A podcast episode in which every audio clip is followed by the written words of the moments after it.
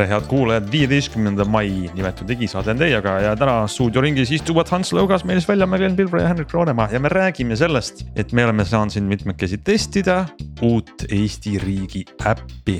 lisaks arutame seda, kuidas sel aastal on läbi üks ikooniline Eesti e-teenus, mida me oleme armastanud ja nautinud, aga enam varsti kasutada ei saa. lisaks meie seast on mitmed käinud ja proovinud uusi, uusi tipptelefone, mis just välja tulid, turule tulid esimestena võib võib-olla terves Euroopas.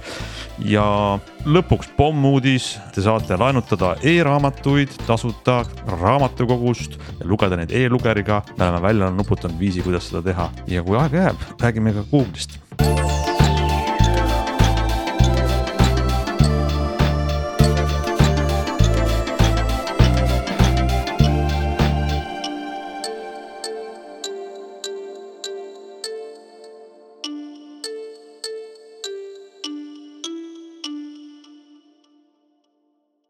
no nii, alustame siis M-riigi äpiga, mis on Eesti majandusministeeriumi projekt, majandus, majandusministeeriumi, maja, MKM vist organiseerib seda, aga Eesti e-riigi projekt. Ja sellest on, seda on planeeritud ja kuulutatud tükk aega välja ja nüüd eelmise aasta lõpus kuulutati välja, et iga huviline saab olla M-riigi beeta testijaks, meil siin on õnnestunud minul ja Meelisel esimene pilk peale visata, mida M-riigi äpp teeb ja ütleme nüüd otsekohe välja, et, et me siin ei tee mingit kriitikat M-riigi äpi kohta, sest me ei tea, milline ta lõplikult välja tuleb. küll aga me saame võib-olla jagada natuke esimesi muljeid, mida see äpp endast kujutab. Äh, Meelis, mitu päeva sa testisid seda? Äh, noh, kuna Pool. riik ütles, et need inimesed, kes saavad testida, saavad seda testida viis päeva minul on see siin olnud nüüd, ma arvan, üks kaks nädalat telefonis ja ta küll kuidagimoodi ei ole kinni läinud ja mulle tundub, et ta ka töötab nagu, võtab ühendust serveriga ja ta ikkagi jätkuvalt võtab minu andmeid sealt alla, nii et järelikult mm -hmm. kinni pole seda pannud otseselt nagu testijatele. aga nii-öelda sisuliselt, mina tegin selle lahti, käisin kõik läbi, vaatasin, mis seal toimub. ja ega ma ütleme praeguses faasis sellega midagi teha ei saa elulisest kodanikuna või kas sul on teine arusaam, kas sa said midagi, ma ei tea otseselt ei saa jah, ta ongi nagu, see ongi mõeldud selle jaoks, et siis arendajad ja testid saaksid vaadata, kas see praegune funktsionaalsus äh, töötab või mitte ja tegelikult siin on ju see, et äh, kliendi vaatest või kasutaja vaatest on ta nagu hästi lihtne ja see ongi eesmärk, et ilmselt selle testimise mõte on pigem see, et. et kas see back-end töötab, kas ta võtab ühendust õigete serveritega, kas õige info tuleb õigesse kohta. sest ma tegin, täitsin ära ka selle tagasiside vormi, ma ei tea, kas sa täitsid seda ja see tagasiside vormis oli hästi palju küsimusi selle kohta, et kas selles kohas oli õige info. kas mm, -hmm. kas seal, kas see päring läks üle, üle korrektselt, no ühesõnaga sellised asjad olid seal, et mm. -hmm. et ilmselgelt nad ikkagi testivad seda, kuna see X-tee või see M-riik on ju või E-riik on nii-öelda ju laiali erinevate serverite vahel, eks ole.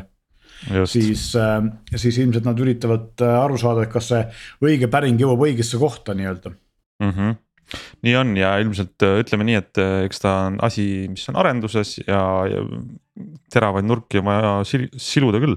aga me saame võib-olla kuulajatele natuke jagada, kui see peaks välja tulema praegusel kujul vähemalt mingil moel mida siis M-riigi äpp pakub ja ütleme, kõige uuenduslikum ja kõige ägedam asi, mis lõpuks ära tehakse, mida ma olen kaua oodanud, on oma isiku tuvastamine äh, reaalsuses, füüsiliselt päriselus, mitte internetis, vaid päriselus äpiga. praegu, kui ma, no ma ei tea, juhtub nii, et politseinik peatab mind, küsib mult juhiluba, kui ma sõidan autoga või ma püüan, pean kuskil poes tõestama, et mina olen tõesti mina ja mitte keegi teine, ma näitan plastikust kaarti või passi. M-riigi äpp on, peaks nüüd olema selline, et ma saan võtta selle äpi telefonis lahti ja ma siin näen kohe, et minul näiteks on kehtivad kolm dokumenti, ID-kaart, pass ja juhiluba. ja ma saan ise valida, millist ma sellele teisele poolele, kellele ma silma vaatan parasjagu. kordan üle, et see ei ole internetis, vaid see on siis nagu reaalsuses.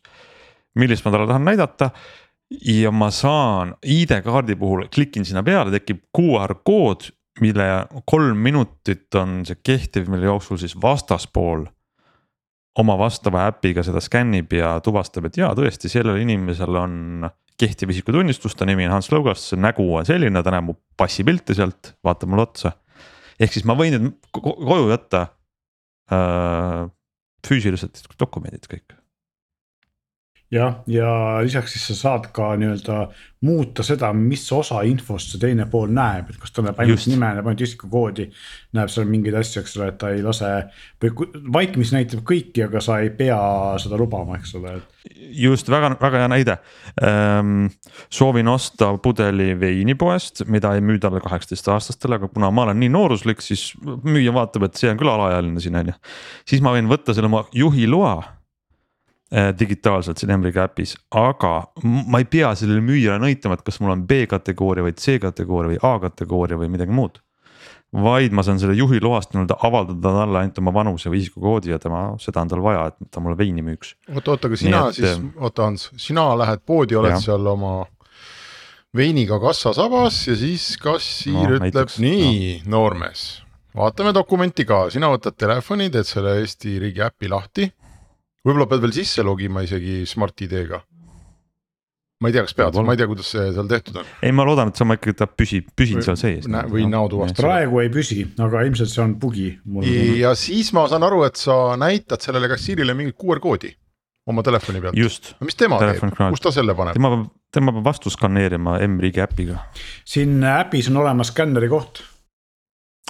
aga see, see, muidugi sa selle viskab paned kohe lahti. siuksesse äh, konteksti, mis ei ole reaalne on ju, või noh. siia ise alustasid oma veiniga ja ja, ja, ja, aga ma ütlengi kohe, et väga loogiline oleks, kui see Rimi või mingi muu poe iseteenindus Selve kassa nõuaks, et ma skänniks seda pagana QR koodi. ja, ja siis müüks mulle selle pudeli veini, vot see oleks nagu. No siis ta muidugi see iseteeninduskassa peab ka veenduma, et see, kes seda äh, telefoni ja QR koodi näitab. et Veriffi mingisuguse asja Klapib. sisse ehitama Just. ja siis äh, jah no õudselt keeruliseks läheb see kõik, ma ütleks, lihtsam on. ühesõnaga lihtsam, lihtsam on kuskil mingis. noh, see poeost on tõesti nagu keeruline näide, aga no ütleme näiteks täpselt, et, et juhiloa kontroll on ju. et Eestis sa pead praegu kaasas kandma, isegi mitte juhiluba, sa pead kaasas kandma kasvõi ID-kaarti. kust politseinik kontrollib, et minu isikukoodiga isikul on juhtimisõigus kehtiv. See on üldse huvitavalt keeruline, et kui me räägime nüüd riigiasutustega suhtlemisest, siis tegelikult mm, kui sul on ID-kaart kaasas, siis ma arvan, sellest võiks piisata politseile. ja kui sul ei ole ja sa laulad neile ette oma isikukoodi. ma ei tea, kuidas see praktikas on, aga teoorias ma olen täitsa kindel, et sellest peaks piisama. sest iga politsei, igas politseiautos on ju mingisugune arvuti, eks ole, mis on ühendatud kuhugi ja kui ta toksib sinna sinu isikukoodi sisse siis ta saab sinu näopildi kenasti vastu, eks noh, sisuliselt sinu ID-kaardi põhimõtteliselt saab ta vastu. ja ma ei ole kindel, et tal oleks vaja seda nii õudselt näha nagu plastikkujul. No võib-olla mõnes mõttes ja aitaks. arvan, et sul on õigus, aga ma arvan, et see on kindlasti mingi juriidiline nõue, et sa pead isikusamasuse tuvastama mingi dokumendi alusel. Mm -hmm. ja kui isegi politseinik tahab sulle vastu tulla, siis ta rikuks seadust sellega on ju, nii et. kui see nüüd M-riik hakkaks tööle, pluss ta seadustatakse ära, et seaduse ees on ta nagu võrdne isikusamasuse kontrollimise vahend. ma saaks veel ühe asja koju jätta, ma varsti ei pea midagi on- kaasa võtma. see on tõsi, see oleks mugav ja ma vaatan siin praegu seda ka, eks ole, et ID-kaardi ja, ja passi puhul. ma näen ka enda pilti, aga vot lubadel ei ole pilti, eks ole, et ma ei tea, kas see on meelega niimoodi või see on lihtsalt äh, jäetud ära, aga võib-olla polegi siis rohkem vaja, kui sul on kahel teisel dokumendil on pilt olemas, eks ole. vaata igaks juhuks, näitab sul, seda, et dokument kehtib, kas sul plastiklubadel on pilt või? äkki sul on praakload? on, on, aga On. lihtsalt ongi see, et, et järelikult äkki, äkki polegi vaja, et kuna on kirjas, et kehtib, eks ole, ja. ja sealt äh, pildi saab sealt teise dokumendi pealt kätte, no ei tea, ühesõnaga. aga see on see dokumentide näitamine ainult ju üks osa sellest äpist, eks ole, et tegelikult Just. kogu see mõte on see, et kõik need äh, e-riigi teenused ja asjad oleks kättesaadavad äh, mobiilses formaadis ja mugavamalt, et siin ongi noh, töövõimetuslehed, hambaravihüvitised, minu sõidukid, liikluskindlustus, retseptid, lapsed, eks ole, ja. ja See on noh, tõesti lisaks, mõnus. lisaks, lisaks on anna teada, ma ei tea, ma ka proovisin, et see, sa saadki tegelikult ka meili peale omale teavituse, et sa oled teada andnud sellisest asjast ja pärast siis äh, üritatakse seda lahendada, kui tuleb ka mingi vastus sellele mingi aja jooksul, et kas see nii-öelda kirje või see asi, millele ma teada andsin, on pädev või mitte, eks ole, et, et see, see nagu töötas. Läks õigesse kohta, ühesõnaga. just ja siis on seal all veel, veel üks, räägime selle ka viimaseks ära, üks ikoon on veel nimega bürokraat, mäletate juba mitu aastat tagasi tuli välja idee, et sa saad äh, vestluse kaudu suhestuda e-riigi teenustega. ja seal on nüüd siis see kõige, king pigistab ikka täiega, et pärast seda, kui meil tulid chat GPT-d avalikkuse ette, siis on kogu see avalik taju selles osas, kui tark üks juturobot on.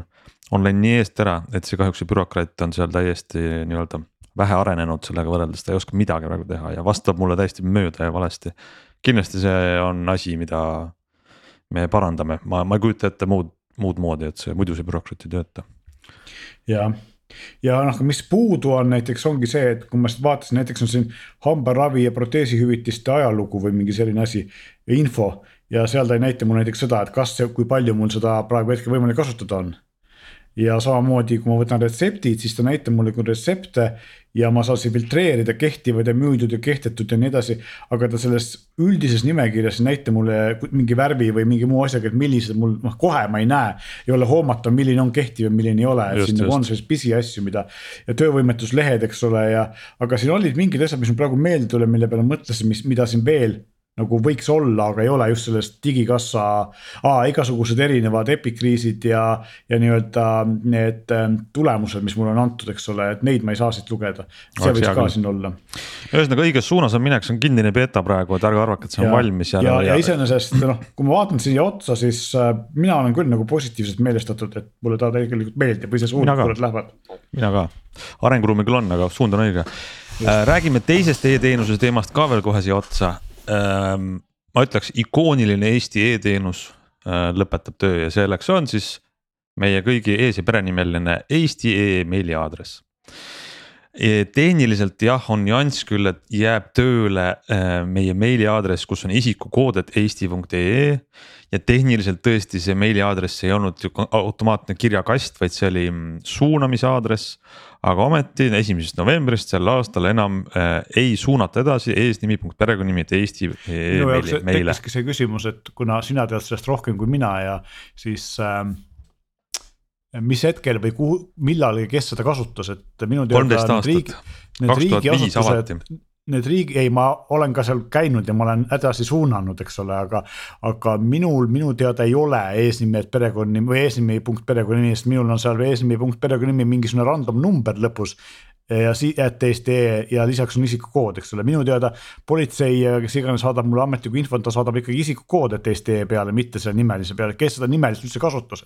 et see jääb minu, noh, milleks seda vaja oli, et, et see, see oli see küsimus. ja see on. ja teine asi on see, et kuna minul seda ei olnudki, siis ilmselt on teisi veel, kellel on seal, kas nimi ei ole piisavalt unikaalne seal taga või on see, et mul on täpitähtedega nimi, et seal on nagu mingi, mingi kood veel lõpus või number nii-öelda, et see ei ole, et kui suvaline inimene tahab minu nime Eesti saata, siis ta ei saa seda mulle antud juhul teha isegi kui see töötas, eks. no ütleme tõesti diskrimineerib Jaan Tammesid ja teisi selliseid yeah. Sergei Ivanove on ju, kellest Keda on palju, selle, väga palju ehm, aga mina ei kurda, ütleme niimoodi mul ei ole numbrit. just, et selles mõttes minu arust ongi läinud ehm. mööda see, et, et miks see sulgemine on nagu nii suure kella külge pannud, kui isikukood, et Eesti jääb alles.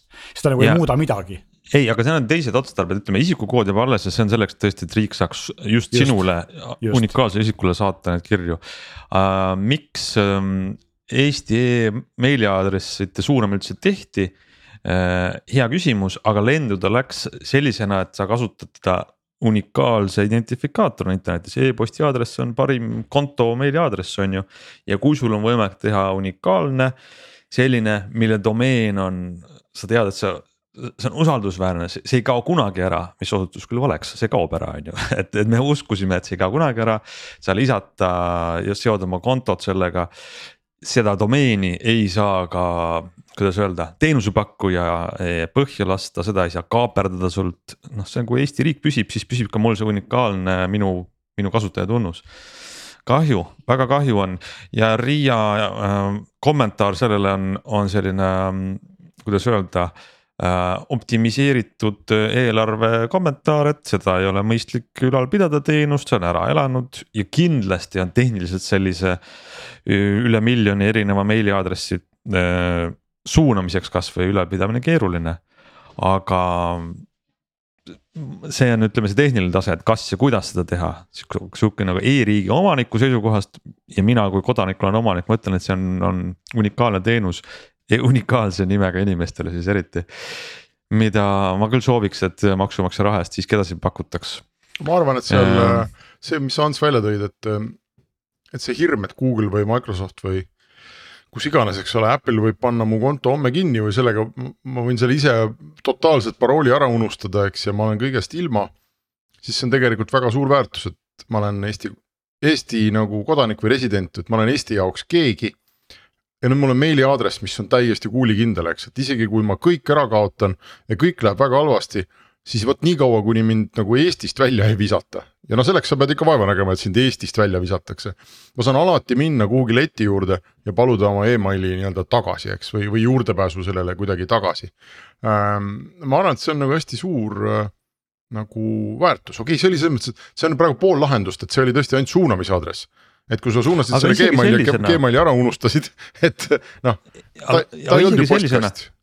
Ja seda küll, aga ikkagi sa võid teha uue omale Henrik kaheksa kaheksa viis meiliaadressi, aga sa suunad ta nüüd sinna. jah, ja igal kõik need teenused, kuhu ma olen selle üles andnud, toimivad edasi, eks, ja ma ei pea hakkama oma digitaalset elu noh, nii põhjalikult kokku lappima, et äh, mulle tundub, et selle teenuse probleem oli see, et ta jäi nagu poolikuks tõenäoliselt see statistika seal taga ei ole ülisuur, mina tean väga vähe inimesi, kes kasutaks igapäevaseks asjaajamiseks oma seda eesnimi punkt perekonnanimi et eesti.ee aadressi aga neid võiks olla seesama miljon, mida sa Hans ütlesid, et, et tegelikult, kui see oleks noh, era, erateenus on võib-olla palju öelda, aga kui see oleks mingi normaalne teenus, mida, mida oleks normaalselt äh, turundatud ja proovitud inimestele just müüa seda mõtet, et et, et miks sa sõltud Google'ist, kuhu sa ei saa isegi helistada ega kirjutada, kui sul mingi jama on. vaid oleks palju loogilisem, et sina eestlasena sõltud Eesti riigist, sest sa niikuinii sõltud Eesti riigist. ja et ka sinu digitaalsed identiteedid on seotud sellega ja seal on muidugi terve hulk igasuguseid küsimusi tekib nagu privaatsusega ja et kui ma arutan oma advokaadiga, kuidas makse optimeerida näiteks või ma ei tea, mis iganes, eks ole, asju. et Ära kas aruta. ma siis noh, et, et kas ma, kas ma peaks seda tegema või kellel mis õigused või kui krüptitud see on. aga see on iseenesest nagu kõik lahendatav, nii et ma arvan, et see oli selles mõttes nagu käest lastud võimalus. aga teistpidi ütleme, et turg on kõnelenud ja turg ei taha seda ja see oli, oligi natukene keeruline ja arusaamatu asi. ja ma just ükspäev mõtlesin, et mis on inimeste sellise nagu tehnilise IT-otsuste tegemise nagu level. ja, ja ma mõtlesin, et see on täiesti olematu level, et, et üks otsus on see, et, et mida noh, mis seadme ma endale ostan. mõni uurib hästi palju ja ostab midagi, eks ole, ma arvan, et väga suur osa läheb ja ostab midagi või saab mingi sooduka või midagi sellist. aga siis edasi tarkvaraliselt, kunagi vähemasti oli tehnilise keerukuse tase inimestel see, et nad vahetasid näiteks telefoni helina ära. ma arvan, et seda väga palju enam tänapäeval ei juhtu, ma kuulen kogu aeg samu helinaid või nad ei helise üldse. ja siis ma mõtlesin, et, et kas, kas taustapildi vahetamine on selline nagu noh, see üks IT-otsus, mida siis nagu inimene teeb, sest paroole sa... nad ka ei vali, me teame kõik, on ju. et yeah., et seda otsust ka inimene nagu tegelikult IT-otsust oma elus ei tee ja, ja mulle tundub, et osad inimesed vist, mida nooremad, seda suurem on tõenäosus, et nad vahetavad neid taustapilte, ma vaatan oma laste pealt, et nad vahetavad seda kolm korda päevas. aga ma arvan, tavaline inimene, kes pärast poodi peab minema või pärast tööd peab minema poodi hakkliha ostma ja lastele süüa tegema, ta ei vaheta seda taustapilti ka. ehk inimesed ei tee IT-otsuseid ja, ja ma arvan, et see noh, teadlik olemine sellest, et on mingi Eesti aadress ja ma saan seda kuhugi suunata, ma pean kuhugi logima ja see ei, see ei jõua nagu kohale ja, ja võib-olla siin on nagu õigem, et Riia tõstab käed püsti ja ütleb, et okei okay,, fine, et ärme siis, ärme siis tee. Ma ütlen siia lihtsalt ka ühe kommentaari ja lõppu, et kui selle selle meiliaadressi ja kontoga või sellega seoses justkui, et meil võikski olla Eesti selline riigi ühtne aadress ja kõik seda hoogsalt kasutavad, et tegelikult on ikkagi maailm jõudnud minu arvates sinnamaani välja, et ükskõik, mis aadressid meil on, siis kusagil seal taga tiksub põhimõtteliselt äh, vist ma ei tea, kaheksakümnel inimestel, protsendil inimestel Gmaili aadress ja võib-olla ülejäänud kahekümnel siis äh, iCloud või me.com, kui nad seda kasutavad või on, on need protsendid vastupidi või minu jutu sisu on nagu selles, et me oleme paratamatult seotud nende suurte kommertsettevõtetega ja me kasutame just nimelt neid meiliaadressi, sest me oleme nende ökosüsteemis ja sellist süsteemi ei paku ükski riik sõltumatult. nii et äh, nii et noh, nii lihtne see tegelikult ongi, et. nii on, aga ma väike kommentaar veel siia lihtsalt uh, uudisena tervitused mm, sotsiaalmeediasse Martin Paljakule, kes leidis, et kui sa nüüd üritad oma Eesti e meiliaadressist lahti saada. siis see ei ole üldse nii lihtne, et küll ühe käega riik keelab, aga teise käega mm, on mingi segadus näide, rahvastikuregister, selleks, et üldse rahvastikuregistrit kasutada, on sul vaja äh, ühte meiliaadressi.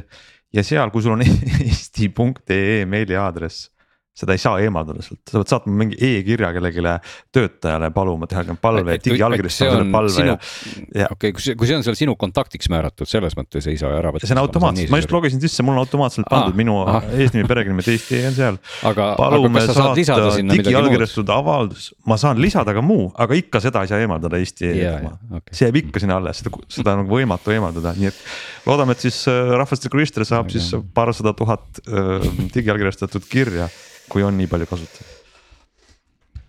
okei okay. aitab siis. ma jätan südame süvasti selle meiliaadressiga, mis nii. siis ikka, olgu. kuule, äh, Meelis ja Glen, teie saite tuttavaks hoopis ähm, uute telefonidega, kas on tõsi? no ja, vastab tõele jah. kaameratega, mis on telefoni külge ühendatud. uued kaamerad, mis on ühendatud telefoni külge, no millega on tegu ja kuidas no,, äh, mis need on? Palju äh,, palju vaeva näinud või palju ohvriks tehtud Hiina tootja Huawei näitas äh, Münchenis oma uusi noh, tegelikult ühte uut telefoni, mis ka Eestis müügile tuleb ja siis teist, mis oli eriti äge ja mis tuleb Euroopas müügile, aga Eestisse ei jõua, sest on nii kallis. ehk siis äh, Mate X3 volditav telefon on see, mis ei tule Eestis müügile ja see, mis tuleb Eestis müügile, on P60 Pro ehk siis sellise legendaarse Huawei B-seeria kaameratelefonide nüüd kõige uuem äh, liige, et äh,. kas see B60 väga head, äh, väga head telefonid andmete poolest. küsin kiiresti vahele, et kas see B60 Pro on see, mille tagaküljel on mingi pannkook? Ja ei no mis mõttes pannkook noh. tagaküljel on tänapäeval pannkook. ära nüüd, ära, ära hakka kohe, ära hakka kohe ära hakka nüüd halvustama, me jõuame selleni ka. ei, ma lihtsalt tu tuvastan, et eristan teda sellest. ma, ma, ma ei oskagi sulle praegu öelda, sest see ei ole halvustav, see on lihtsalt. ta ei ole jah, nagu eristub. ei erine minu arust eristub. teistest äh, sarnastest toodetest selle okay. poolest, et tal on suur, suur äh, objektiivi rõngas taga, aga tal on muideks kõvasti väiksem kui mõnedel teistel. no kui ma, kui juba, kui juba Meelis hüppas juba pea ees kohe siia sisse detailidesse või oli see Ants, siis ma ütleks kohe selle suure objektiivi kaitseks, mis seal taga on, et. et tegemist on tegelikult väga valgusjõulise objektiiviga, millel saab muuta ava, et noh, seda ava sai ka muuta siin mõnel Samsungil kuskil varasemalt ja, ja Huawei puhul on see nüüd varieerub vahemikus, oli vist F üks koma neli kuni mingi neli koma kaheksa või üheksa mhm. või neli koma null, ühesõnaga, ühesõnaga mehaaniline ava muudetav, muidugi noh, see, et seda ava saab väiksemaks panna, see tähendab lihtsalt seda, et, et sa saad siis võib-olla natuke teravamaid ja väiksema või suurema teravussügavusega pilte, aga, aga loomulikult see valgusjõud on, on sellel objektiivil väga-väga suur ja, ja seda muidugi noh, just seda nagu nad ka oma presentatsioonides väga rõhutasid, et mis nagu võib-olla välja ei paista, ongi see, kui hästi see objektiiv laseb läbi valgust ja muidugi võrdlesid seal siis seda nii-öelda no-name smartphone Pro Maxiga ja, ja siis veel mõne, mõne smartphone ultraga ja, ja tõepoolest noh, need võrdlused ikkagi olid üsna muljetavaldavad, et, et valgus valgust mahub sealt ikkagi tõesti läbi kordades rohkem kui parematel konkurentidel, seal taga on endiselt siis Huawei enda see nii-öelda R, Y, YB või, või rüüpsensor, mida nad on ammu kasutanud, aga aga, aga sensor nüüd ka sellel, sellel telefonil siis B60 Prol on, on siis stabilisaator selline, et igatpidi seda liigutab nii-öelda külgsuunas kui, kui ka, kui ka pöördsuunas, et, et väldib siis igasuguseid värinaid ja nii, ühesõnaga kõik see teoreetiline jutt ikkagi tähendab lõpuks seda, et et need demopildid, mida me seal praegu küll nägime, noh ise me kahjuks neid ei saanud teha. Need olid tõesti nagu ikkagi erakordselt ilusad, et kui sul ilmselt vähegi on sellist fotograafi geeni, siis siis see on nüüd see telefon, mis, mis võiks, võiks olla, nendest kaameratest võiks ka rääkida muidugi teistest, seal on siis veel kaks tegelikult kaamerat. jah, et me peaks rääkima telefotokaamerast, sest et seal on minu arust veel rohkem innovatsiooni, et kolme poole kordse optilise suumiga Äh, stabi-, optilise stabilisaatoriga kaamera nagu ikka enamust, enamasti sellistel taolistel siis äh, optilise zoom'iga kaameratel, aga selle F-number on läbivalt kaks koma üks, et enamasti 2,1, jah. optilise suumi kaamerate on ta kolm pool, neli, eks ole, noh midagi sellist, et see võtab No- ka ikka ainult kõvasti rohkem valgust vastu no siin, siin võikski öelda jah, et ega võrdluseks jällegi, kui me võtamegi siin iPhone Pro eh, Maxi vist neliteist, eks ole. et sellel peaks olema see number jah, kindlasti üle kolme ja, ja optiline suum on tegelikult kolmekordne ehk seitsekümmend seitse millimeetrit, et sellel Huawei P kuuekümnel Prol. optiline suum on siis nagu vastab täiskaadri üheksakümnele millimeetrile ja ta on siis tunduvalt valgusjõulisem ehk kokku mahub sealt siis läbi no, ligi viis korda rohkem valgust kui siis iPhone Pro Maxil, eks ole, et. et see on ikkagi, see on, see on väga-väga märkimisväärne ja samamoodi ka on pimedamad ja, ja lühemad ka Samsungi objektiivid, tõsi, Samsungil on küll kümnekordse optilise suumiga kaamera ka aga no Huawei'l on see-eest selle kaamera taga ka neljakümne kaheksa megapiksline sensor. Ehk et kui siin enamik konkurentidel seal telekaamera taga on siis kümne või kaheteist megapiksline sensor, siis kuna seal on Huawei'l palju piksleid, siis eh, sealt ta ikkagi hammustab ka umbes sajakordse suumi veel. noh, kui hästi see sada nüüd praktikas muidugi välja näeb, aga, aga põhimõtteliselt jah, nad ei, ei ole siis sinna pannud nii ülipikka suumi, aga pigem on see väga valgusjõuline, aga see on endiselt siis ikkagi selle periskoop põhimõttel nagu, nagu siis tavaliselt on olnud see kümnekordne suum, et, et lihtsalt mahutada see, see suur optika sinna sisse ära, eks ole, nii et ta on ikkagi. telefoni sees on siis väike periskoop ja jah, noh, ta on ikkagi nagu telefoniga tasapinnalised kaks neljakümne viie kraadist prismat siis seda valgust seal moondavad ja seal taga siis ka on see optiline stabilisaator. siis noh, nii-öelda saanud ka uue telje juurde, et kui muidu liigub ta nii-öelda üles-alla, vasakule-paremale, et siis see on ka võimeline liikuma nagu rotat-, noh, kuidas ma ütlen siis pöörduma, eks ole, et liigub ka siis nagu pöördtelje peal, mis peaks võtma ära, ära veel rohkem värinat, nii et. et põhimõtteliselt kõik need tehnilised andmed ikkagi viisid selleni, et need pildid, mis sealt nii-öelda välja on võimelised nagu tulema. noh, need olid nagu erakordsed, et me seal noh, vaatasime kõrvuti näiteid, mis tõesti olid tehtud konkurentidega hämaras seal fotod ja ja, ja, ja noh, kõik, kõik see kokku ikkagi me jõuame, jõuame jälle välja sinnani, et, et Huawei'l on jala küljes suur pomm nimega, et ei ole Google'it, eks ole aga sellest hoolimata nad jooksevad mõnes 5G-d. mõttes, jah, jooksevad mõnes mõttes kiiremini kui, kui kõik teised, eks ole, ja, ja ei kavatse üldse nagu peatuda. arvestades seda pommi, see on nagu üsna, mis neil jala küljes ripub, on äh, üsna fantastiline, kui kiiresti nad tegelikult üritavad joosta, eks ole. Ja- ja kusjuures ka- ka jooksevad, eks. ja jooksevad ikka nagu täiega. Ja ja, no nad muidugi- ikkagi seal ka seal äh, keynote'i lõpus rääkisid, kui meeletult committed või nii-öelda, kui, kui tohutult nad arvestavad ikkagi Euroopa kasutajaga, Euroopa arendajatega ja kui palju nagu need e- järjest ehitavad juurde uusi arenduskeskusi Euroopas, eks ole, üritasid nagu väga Tõsi. ikka see Euroopa ees ja taga, on ju. aga mis, mis Ja,, noh, meenutage ma- mulle korraks, mis seis on 5G-ga Huawei'l Euroopas? Huawei ei tohi, ei tohi toota saa, jah. 5G-ga seadmeid ja sellepärast on ka siin Qualcomm'i protsessor, kuna seoses teiste sanktsioonidega Qualcomm ei saa toota enam enda protsessoreid piisavalt kvaliteetseid. siis nad on, kasutavad Qualcomm Snapdragon kaheksa pluss Gen ühte ja selle 4G versiooni. aa, ehk ehk siis Huawei ei tohi kasutada ka Qualcomm'i 5G just, see on Tehnoloogiat. sanktsioon- sanktsioonide all küll ja aga see siis on nagu väga suur pomm seal jala küljes neil, lisaks sellele, et neil ei No, ole Google jah. Play teenused, ehk siis kõik nende asjade kasutamine on. Eestis selle telefoni kasutamine on hästi keeruline, eks ole, ta on mõnes mõned äpid, Lidl pluss on Eestis olemas ja isegi tegelikult Smart ID on Eesti, on olemas On, Huawei on, äpp on, galleris ja. aga, aga ikkagi neid on vähe, eks ole, nii et. no ma selles et mõttes natukene ütleks, ütleks Huawei kaitseks, et, et seda nagu kui sa seda kasutad, kuna ma tean mitut inimest, kes kasutavad ja on täiesti elus ja päris inimesed ja suhteliselt rõõmsad, et, et nad saavad sellega hakkama küll, loomulikult seal, seal on momente, millega sa pead Ta arvestama vajab küll, aga ikkagi nüüd nagu- keskmisest suuremat tehnilist teadlikkust. no lähme tagasi tead nagu, ma- mida Henrik, Henrik mainis eelmises ma- ma- etapis, ma et inimesed ei vaheta isegi niisugust taustapilti tead sa, ma tahtsin, ma tahtsin anda ühe asja veel siia lõttu, kui me Räägi juba rääkisime sellest Apple või Google või mis kurat Google, Huawei, mis iganes, Gallery selle nimi on, et kuidas siis Huawei ka ikkagi plaanib sinna inimesi meelitada, on see, et, et kui sa nüüd täna ostad selle telefoni, siis sa saad omale, oli see vist kolmeks kuuks Tinder pluss konto tasuta, kuueks kuuks. kuueks kuuks sorry jah., kuus kuud Tinder pluss, sa saad kuus kuud leida kogu aeg uue kaaslase endale. kuigi telefon ei ole Androidiga, aga, aga, aga, aga püüad on leida selle ühe ja üks, ühe ja ainsama sealt äh, meres on palju kalu, aga sa leiad selle ühe ainsama, Aga kes noh, selle see Huawei võib- telefoni tõttu ei vaata valesti. aga see võib tunduda naljakas, aga selline pakkumine See on on, pluss siis nad pakuvad ka seda Huawei siis pilvesalvestusruumi ka seal mõni kuu siis tasuta paarsada noh, gigabaiti. tegelikult äh, neil oleks nagu üks võimalus teha mida nad ei tee, seda, et müüa siis neid telefone kasvõi nulliga või nii-öelda, et et me- meelitada nagu hea hinnakvaliteedi suhtega, aga nad ka müüvad oma asju ikkagi väga kallilt, et ma ütleks, et kohati isegi kallimad kui konkurendid. ka see, see P60 kõige soodsam mudel on, eks ole, seal tuhat kakssada eurot ja, ja see volditav telefon, mis on väga äge, millest me kohe rääkima hakkame, see maksab kaks tuhat kakssada eurot. ehk siis ta on kallim kui Google'i uus volditav ja ta on kallim kui Samsungi volditav, et ta on ikkagi väga kallis, aga noh.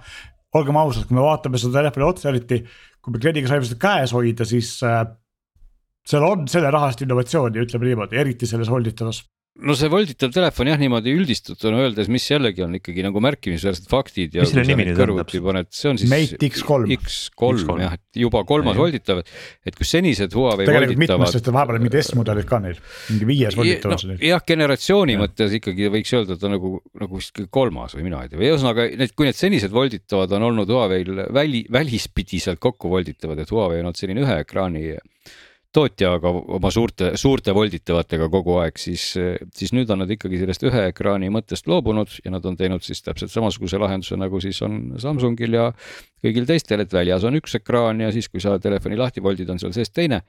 aga, aga mis selle kogu asja juures on ikkagi irooniliselt naljakas või mis iganes sõnu siin kasutada, on see, et, et kui jälle võrrelda selle nii-öelda tundmatu nimega Pro Max neliteist telefoniga, mida nad seal ka võrdlesid ja kõik saavad aru, mis telefonist käib jutt, eks ole, siis äh, nende volditav telefon on Puubil grammi võrra, grammi võrra kergem sellest, sellest Pro Maxist.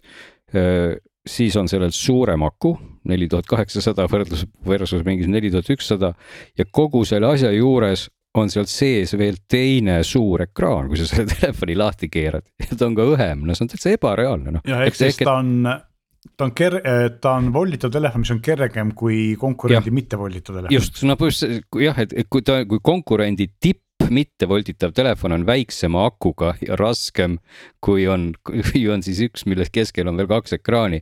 et see on tõesti nagu ikkagi noh, see on nagu pehmelt öeldes naljakas ja kui sa seda telefoni nüüd nagu võtad kätte, siis kokku volditud kujul, noh, mul oli sealt taskust võtta siis endal OnePlus üheksa Pro, mille ümber on seal mingisugune kergem kummikate ka, siis tuleb tunnistada, et see kokku volditud Huawei telefon oli isegi natuke vähem kobakas käes kui siis täitsa on, tavaline suur. minu kogemuses esimene volditav telefon, mis kokku voldituna istub käes nii, nagu see ei oleks volditav telefon. jah, ta on täitsa okei okay.. ta, ta nagu, nagu istub käes nagu tavaline telefon, aga saab ka kokku, et see on see nii-öelda holy grail või see, milleni tegelikult kokku volditud telefonid peaksid ühel hetkel jõudma, ja kui sa ta siis lahti voldid, siis ta on tõesti nii õhuke, et noh, ta ikka on kuradi õhuke, noh ta ongi mingi mõned millimeetrid, et hakkab. ta on nii õhuke, et Huawei ütles, et nad tegid sellele eraldi ise pidid tootma USB-C assembly, sest et kõigil teistel USB-C turul olevatel USB-C pesadel on siis natukene üleval ja allpool on natukene kõrgust, aga see korpus on täpselt USB-C pesa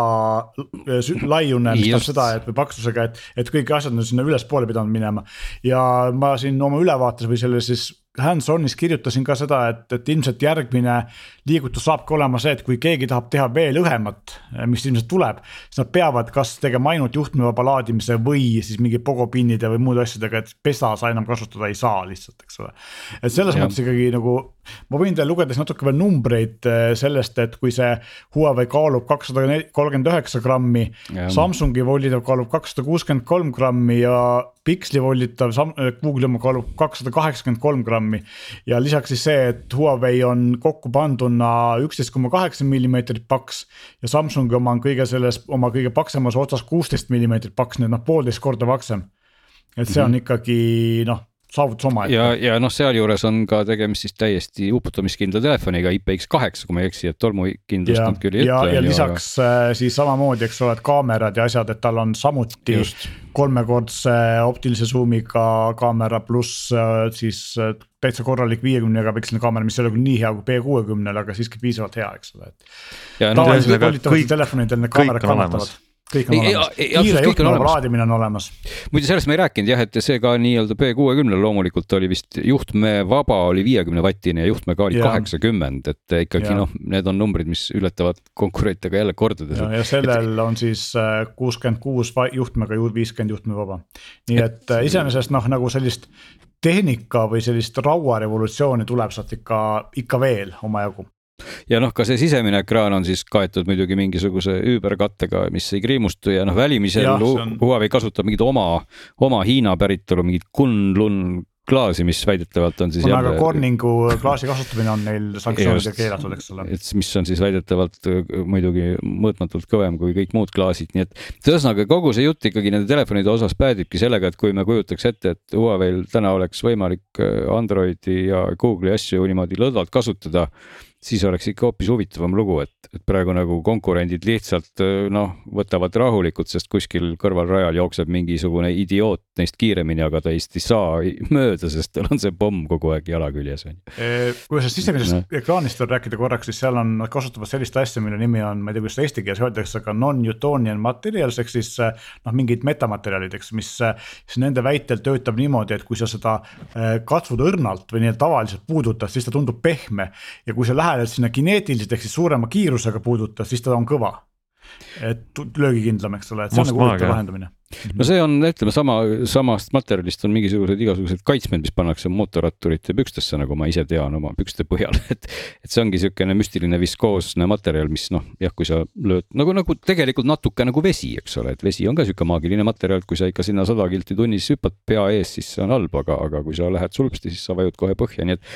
ühesõnaga seda innovatsiooni on metsikut ja, ja no ma, ma, ja, ja ma vist enne vist kuidagi ütlesingi, et Huawei on nagu sihuke heas mõttes noh, ma ei kasutaks sõna nagu lollpea, aga just vastu vastupidi, et Huawei nagu on selline nagu nii järjekindlalt näitab, kui hästi ta teeb tegelikult tehnoloogiat kõigist nendest piirangutest hoolimata, et, et see tundub nagu täitsa kohati sihuke ebamõistlik käitumine, et nad oleks võinud justkui ammu lüüa ju käega, et tegutseme Hiinas edasi ja aitab küll aga, aga nad kaugel sellest, et täna pigem juba on niisugune olukord, et hakkab tunduma, et, et kui Google ja, ja, ja see nii-öelda läänemaailm veel kaua ignoreerivad, siis juba lõpuks äh, me kasutamegi siin kuus kuud seda Tinderit ja hakkame hoopis enamikku äppe sealt Huawei äpp gallerist no, varsti tõmbama. rääkisid ju et, pikalt sellest no,, kui kõvasti nad panevad äh, tähelepanu pööravad sellele oma tarkvara poolele ja selle äpp gallerile. ja, ja mille, mille numbrid on Ehm, Viberi, ehk siis no. sihuke Ida-Euroopas populaarne chati rakendus, Whatsappi konkurent Viber, eks ole, et nende. Viber ikka veel eksisteerib wow.. ja Viber ikka eksisteerib, kasutatakse üsna palju ka, enamasti küll siuksed ukraina ja vene keelt rääkivad inimesed, aga siiski väga populaarne on.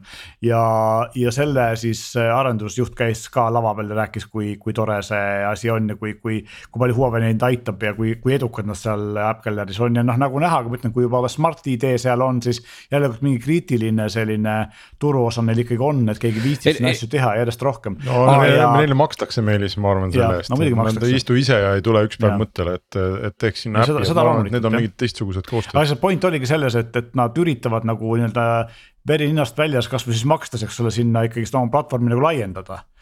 Ja no nagu makstes sa saadki jah, ma tegelikult ja. tahtsingi küsida, et te mõlemad olite seal nagu Huawei üritusel, et mis see meeleolu oli või mis, mis see pikk plaan nüüd siis nagu on ikkagi, et sellest ei, no, ma saan see... aru, et kui meil on terve Venemaa, eks, mis on kuidagi keelu all, aga tegelikult ka ega nad seda Snapdragonit ka vist sinna ei tohi saata. ja, ja üldse, aga et noh, kuskil on mingid inimesed, et kes on võib-olla valmis või sunnitud ütlema oma harjumuspärasest sellisest äh, Android, iPhone valikust nagu lahti ja sealt on võimalik siis noh, ka kohalikud need äpi arendajad, eks ole, pardale osta või, või saada või ma ei tea. et siis sul on no mingi lootus mingit platvormi nagu ehitada, aga välja kujunenud turgudel mul on nagu üliraske seda ette kujutada, et nad nagu no jaa, enda mingi kolmanda platvormiga läbi lööks. üks nagu lo lootus ongi see, et äkki nad saavad ikkagi piisavalt populaarseks ja piisavalt palju äppe, et seda sa saab nagu muuta seda status quo'd või seda duopolit, seda nad ise nagu rääkisid, konkurents on aga hea. aga nad ei saa seda enne, kui Joe Biden Just. otsustab. no see on üks asi, teine asi on muidugi see, et, et et seda ilma Google'ita nii-öelda siis. aga no, mulle tundub, et nad vaikselt ikkagi loodavad, et ühel hetkel need sanktsioonid nagu kaovad, eks ole, et, et nagu tundub, kõik see vibe käib sinnapoole. aga, ja see ongi kummaline, et, et tegelikult äh, mina olen nagu nii aru saanud, et näiteks ka äh, teistel oli sama probleem, näiteks Microsoftil keelati ära, eks ole, oma tarkvara Huawei'le müümine ja Microsoft äh, siis taotles luba või seda nii-öelda erandit ja sai erandi ja nad müüvad praegu Windowsit ja Huawei'l tuleb Windowsiga arvuteid välja järjest, eks ole. et Google ei ole seda erandit taotlenud, miks nad seda ei ole teinud, ei oska öelda. aga samas ikkagi siin peaks ütlema seda, et, et see, seesama küsimus, Henrik, mida sa küsisid, see küsimus oleks olnud erakordselt põhjendatud mingisugune kolm aastat tagasi aga täna on olukord, kus on näha, et Huawei'l nagu see hoog pole absoluutselt raugenud, noh absoluutselt selles mõttes, et nad on, nad on kasvatanud metsikult oma äpp gallery turuosa, nad on teinud tehniliselt metsiku progressi ja, ja ma arvan, et nüüd lähiaastatel nad kohe kindlasti mingit pidurit ei vajuta. aga mulle mõttes, tundub, et no., et see probleemiks saab neil rohkem järjest see tehnoloogiline või nii-öelda patendi või litsentsi probleem, kui see tarkvara probleem, et selle äpp gallery'ga nad võivad ju üritada lammutada ja võib isegi sinna saada midagi. aga kui nad ei saa ikkagi praegu 5G-d ja nad ei saa Gorilla Glassi ja nii edasi, eks ole, et kui see nendega edasi läheb ja mida rohkem tehnika areneb, seda. seda rohkem suurem see mahajäämus võib tekkida, et võib-olla see on neil suuremaks probleemiks. nojah, aga ikkagi, ikkagi nagu mitte, et ma tahaks kuidagi praegu mingit Huawei kaitsjaks osutuda, aga, aga ma nagu näen nende suhtumise pealt, et neil igal juhul absoluutselt ei ole plaanis visata püssi põõsasse ega isegi sinna serva praegu.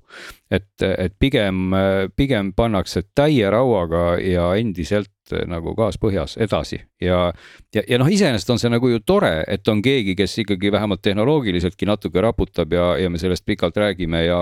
ja selles mõttes no. mõtle, kui igav oleks maailm, kui seal nüüd ei oleks sellist telefoni, mis oleks konkurentidest kergem ja peaks rohkem vastu ja, ja oleks suure eriti, ekraaniga no.. eriti kurb on see, see teiste nagu siin uudiste valguses, kui vaatame seda piksli volditavat telefoni, mis nagu noh, võiks ja. olla sama hea ja ta ei ole no, nagu mingit pidi tehniliselt sama hea, eks ole, et see on noh no ja, rääkimata ka teistest. see on kurb, eks aga, aga maailmas äh, poliitiline nagu suundumus, kuna te Te ütlesite, et nad loodavad, et see läheb üle ei, ma, mina ei, seda ma ei ütleks niimoodi. pigem läheb hullemaks, eks. USA ja, ja, ja Hiina suhted on noh, ikkagi nagu kehvenem ajas. ei, kus, kusjuures ma segaks siia vahele, mina küll ei ütleks, et nad midagi loodavad, ega võib-olla seal keegi kuskil loodab, aga seda pole absoluutselt nad välja öelnud oma suhtumisega milleski.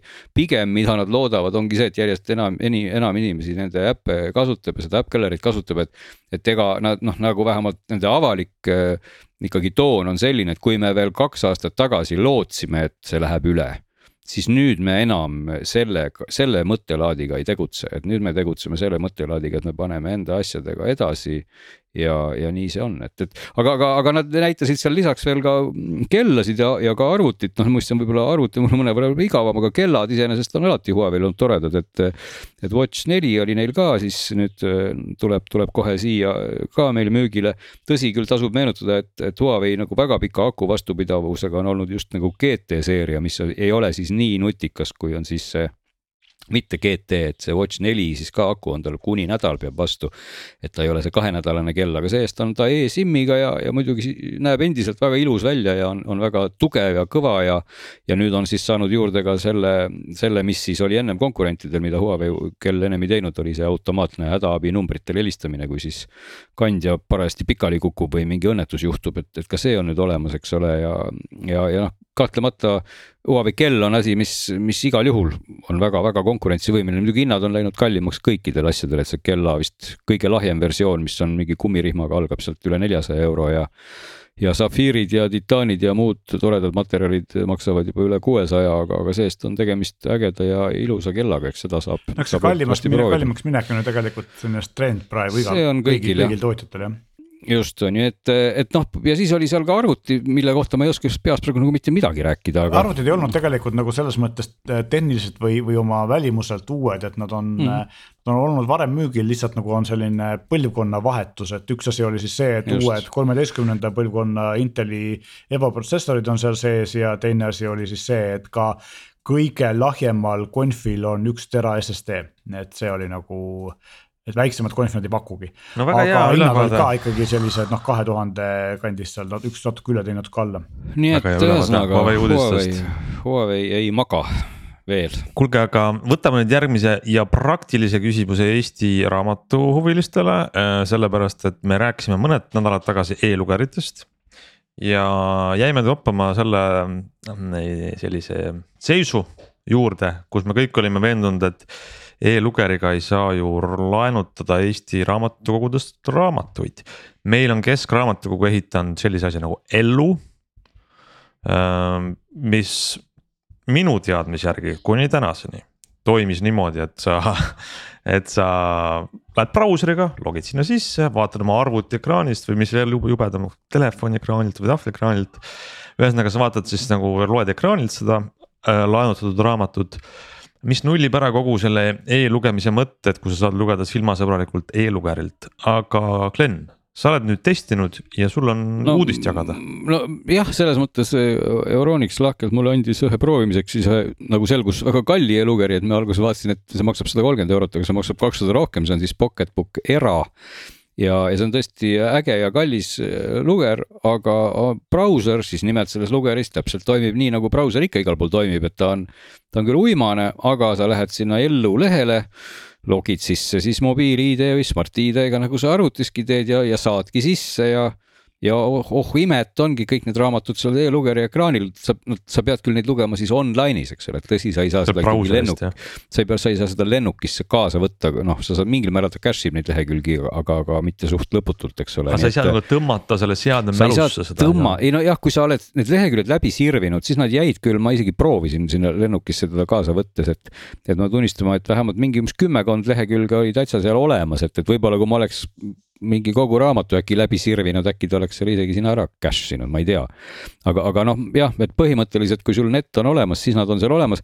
peab küll ütlema, et selle lugemiskogemus võib-olla ei ole nii, nii sujuv, et kui sa ikkagi võtad seal mingit e-pub formaati või, või lugeri formaati, eks ole, siis, siis toimivad need nupud ja zoom'id ja, ja kõik ikkagi nagu orgaanilisemalt, et kui sul on veebileht, siis sa ei saa näiteks järgmist lehekülge võtta selle lugeri nuppudega, et sa pead nagu ikkagi ekraani peal viipama, nii nagu sa läheks siis veebilehe peal edasi või tagasi, noh nagu sa muidu arvutihiirega teed, eks ole nii et, et. aga kui sa ei ole lennukis, kas sa saad lugeda seda ei... nii-öelda? siis ma saan seda väga hästi kas, lugeda. kas seal Pocketbookil on SIM-kaart ka või ma, ma wifi? ei, tal on, tal on ikkagi wifi jah, sa pead olema wifi's, et siis sa pead oma mobiilist seda jagama, et et olla wifi's ja seda sealt siis tõmmata. aga, aga see kõik on nagu väga tehtav, et ma sealt mõned raamatud laenasin prooviks ja, ja nad olid loetavad, et, et saad ka seda noh, tähe suurust siis muuta nagu brauseri seadetest, et kui suur see tähekõrgus sul parajasti on ja, ja leheküljed formaat muutusid või, või kuju, kujund, kujundusid sinna lugerisse täiesti loetavatena, nii et, et selles mõttes noh, täpselt nagu väikselt, väikselt tavaliselt tahvlilt Androidiga või iPadiga siis saad lugeda, saad ka selle e-lugeriga lugeda, küll aga noh, ta on ikkagi uimane, seda peab muidugi inimestele ütlema, kes nüüd kujutavad ette, et, et kui ta rabab nüüd selle e-lugeri omale pihku, et siis kõik liigub seal valguskiirusel, et kaugeltki mitte, sest see ekraan ikkagi noh, aeglaselt reageerib mõnevõrra ja, ja, ja, ja noh, viibetele ja vajutustele ka ta ikka ei reageeri nii ruttu, eks ole.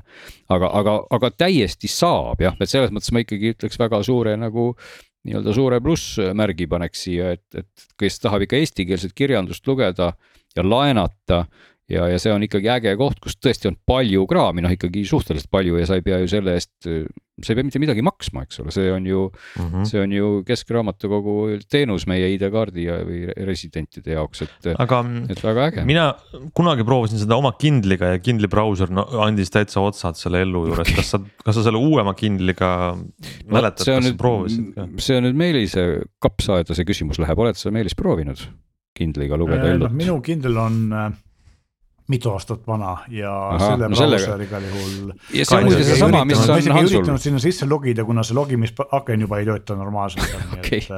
No, et selles mõttes jah. no me peaks siis proovima, proovima mõne uuema. mõne uuema kindliga võiks proovida, ma võib-olla üritan seda teha, et ma tegelikult võib-olla saaks seda proovida, aga iseenesest jah, et, et selle vanemaga, mis mul on, ei, ei olnud nagu väga. küll aga noh, jääb ka, jääb siia ka küsimus õhku, et see konkreetne luger siis, eks ole, nagu ma mainisin, on ikkagi nende nende tippmudel, mis on ka märkimisväärselt kallis. et kui nüüd võtta siin midagi odavat, et kas see ka nüüd toimiks, vot seda peaks siis võib-olla nüüd jälle proovima, et, et aga. ja, ja mul on ka endal pro plaanis ikkagi proovida ühte Androidiga e-lugerit, et et vaata, mis see teeb, eks ole. võiks siis toimida, igal juhul seal aut autentimine töötas, Smart ID-ga läksin sisse ja, ja kenasti jäin sinna ka sisse, ei pidanud enam uuesti logima, kui välja tule, tuled või tulin ja, ja nii et natuke juba saab rohkem kui siis lihtsalt raamatuid tõmmata oota, Glen, aga kas see vidin on Androidiga või mis asi see on? Mul pole aimugi, mis siin sees on. ei ole, see ei ole Androidiga, see on ah, mingi oma asi. osad on need ka need e-inkiga Androidid on olemas, ma ei tea, kas neid Eestis müüakse, aga. aga neid saab osta ka. ma olen kuulnud inimesi, kes, kes muljetamas, kes on proovinud e-inki peale Androidi kasutada ja no te võite ise ette kujutada, et see ei, iga no, liigutus on sekund, paar, paar ootab. see sõltub ju sellest, et mida sellega teed, kui sa kasutad lugerina, siis on okei okay. mm, -hmm. kui sa tahad seda kasutada tahvlina, siis tõepoolest. ei no ma arvan, lugerina ka, et lihtsalt, et sinna üldse jõuda, ma loodan, et äkki tal on mingi automaatne nii-öelda lugemisäpi avamine olemas või et noh. on ikka ja kõigil nendel e-lugeritel on Booksi omad ja teistel, mis on, teevadki Androidiga e-lugereid, nendel on ikkagi, see vaikimisi on ta mõeldud e-lugeriks, seda vaikimisi avab päris kiiresti selle raamatute äpi, eks ole, aga saad sinna installida Kindli äppi või Kobo äppi või mida iganes, eks ole, nii et. ja no vot, see ongi tema pluss jah, et sa et... saad kõik, kõikide nagu poodide ja, ja, ja tõenäoliselt ka PDF-e ja ma ei tea, kasvõi Wordi dokumente on sul seal Just. nagu võimalik lugeda, et, et ma arvan, et teatud sellist äh, kasutusjuhtu ma kujutan neile ette, aga, aga noh, võib-olla äkki mõnel on, proovige Flappy Wordi mängida, kirjutage meile. aga noh, ütleme, et siia veel, kui sa juba Androidi küsisid, ta välja näeb väga Android, et kui sa näiteks avad ka selle Pocketbooki setting ud, siis ta on siin täpselt ülevalt siuksest kardinast tõmbad lahti selle ja kõik see, see meenutab nagu väga-väga Androidi kõik. tegelikult aga, aga, väga sarnane näeb välja ka Kindli viimane uuendatud tarkvara versioon, mis on ka väga Androidilik nüüd, kus see allatõmmatav menüü, et vanasti seda ei olnud, et nad kõik lähevad sarnaseks. Vaatame, mis, mis ta meile ütleb siin, tarkvara versioon, no siin on mingisugused krüptoloogilised numbrid muidugi, U seitsesada kuus punkt seitse, nii et Androidist siin ikkagi otseselt niimoodi juttu ei ole, et, et, et ja mis asi see on, teave seadme kohta. seal ei ole Androidi. jah, Glen, ma arvan, et sa saaks aru, kui see oleks Androidiga, kuskil on settings ja ei no ma just siit praegu nüüd kaevan selle jutu peale, et siit lõpus tarkvara kohta, aga, aga tõesti siin vähemalt sõna Android nüüd ei maini ja ilmselt siin on ikka mingi oma asi, aga, aga see näeb, noh, visuaalselt on nad üritanud sinna selle teha oma nende menüüde ja kõigi asjadega, nii palju, kui neid sul üldse vaja siin oleks, eks ole, sest et siin kodulehel on sul ka raamaturiiul ja audioraamatud ja muidugi ta loeb muide ette ka, mis on päris kasutatav, et et küll mitte kahjuks ei ole eestlast, aga sa valid siit soomekeelse tädi ja siis ta luges eestikeelseid raamatuid täitsa sellise armsa soome aktsendiga, mitte üldse nagu robot, vaid täpselt nagu sinu Soome sõbranna loeks sulle raamatuid ette natuke selline keskealine ja vanem, aga see-eest äh, selline rõõmus ja soe. ja, ja sai noh, et mulle nagu see omadus ka täitsa nagu meeldis, et ma tahaks võib-olla minna kusagile, kus ma ei saa lugeda, siis, siis ma ütlen, et palun väga, et hakka mulle ette lugema, aga, aga jah, veel toredam oleks, kui seal oleks mõni eestlane, et ma proovisin ka lätlast, Lätist oli Oskars, aga Oskars luges eesti keelt kehvemini kui, mis selle Soome tädi nimi oli, igal juhul, igal juhul soomlane, kas Loviise või kes iganes ta oli, luges paremini, et selline tore funktsioon on seal Pocketbookil siis ka. Väga hea. Mm,. mul on selline küsimus, et kas me tõmbame tänaseks otsad kokku või kellelgi on veel midagi väga, väga hingel, kui ei, siis ma arvan, et me tegelikult katsime täna nii palju teemasid, et jätame püssirohtu natukene äh, salve alles järgmiseks nädalaks. seega ootame teid kõiki tagasi kuulama, rääkima, äh, nimetu tegi saatega nädala aja pärast, seniks aitäh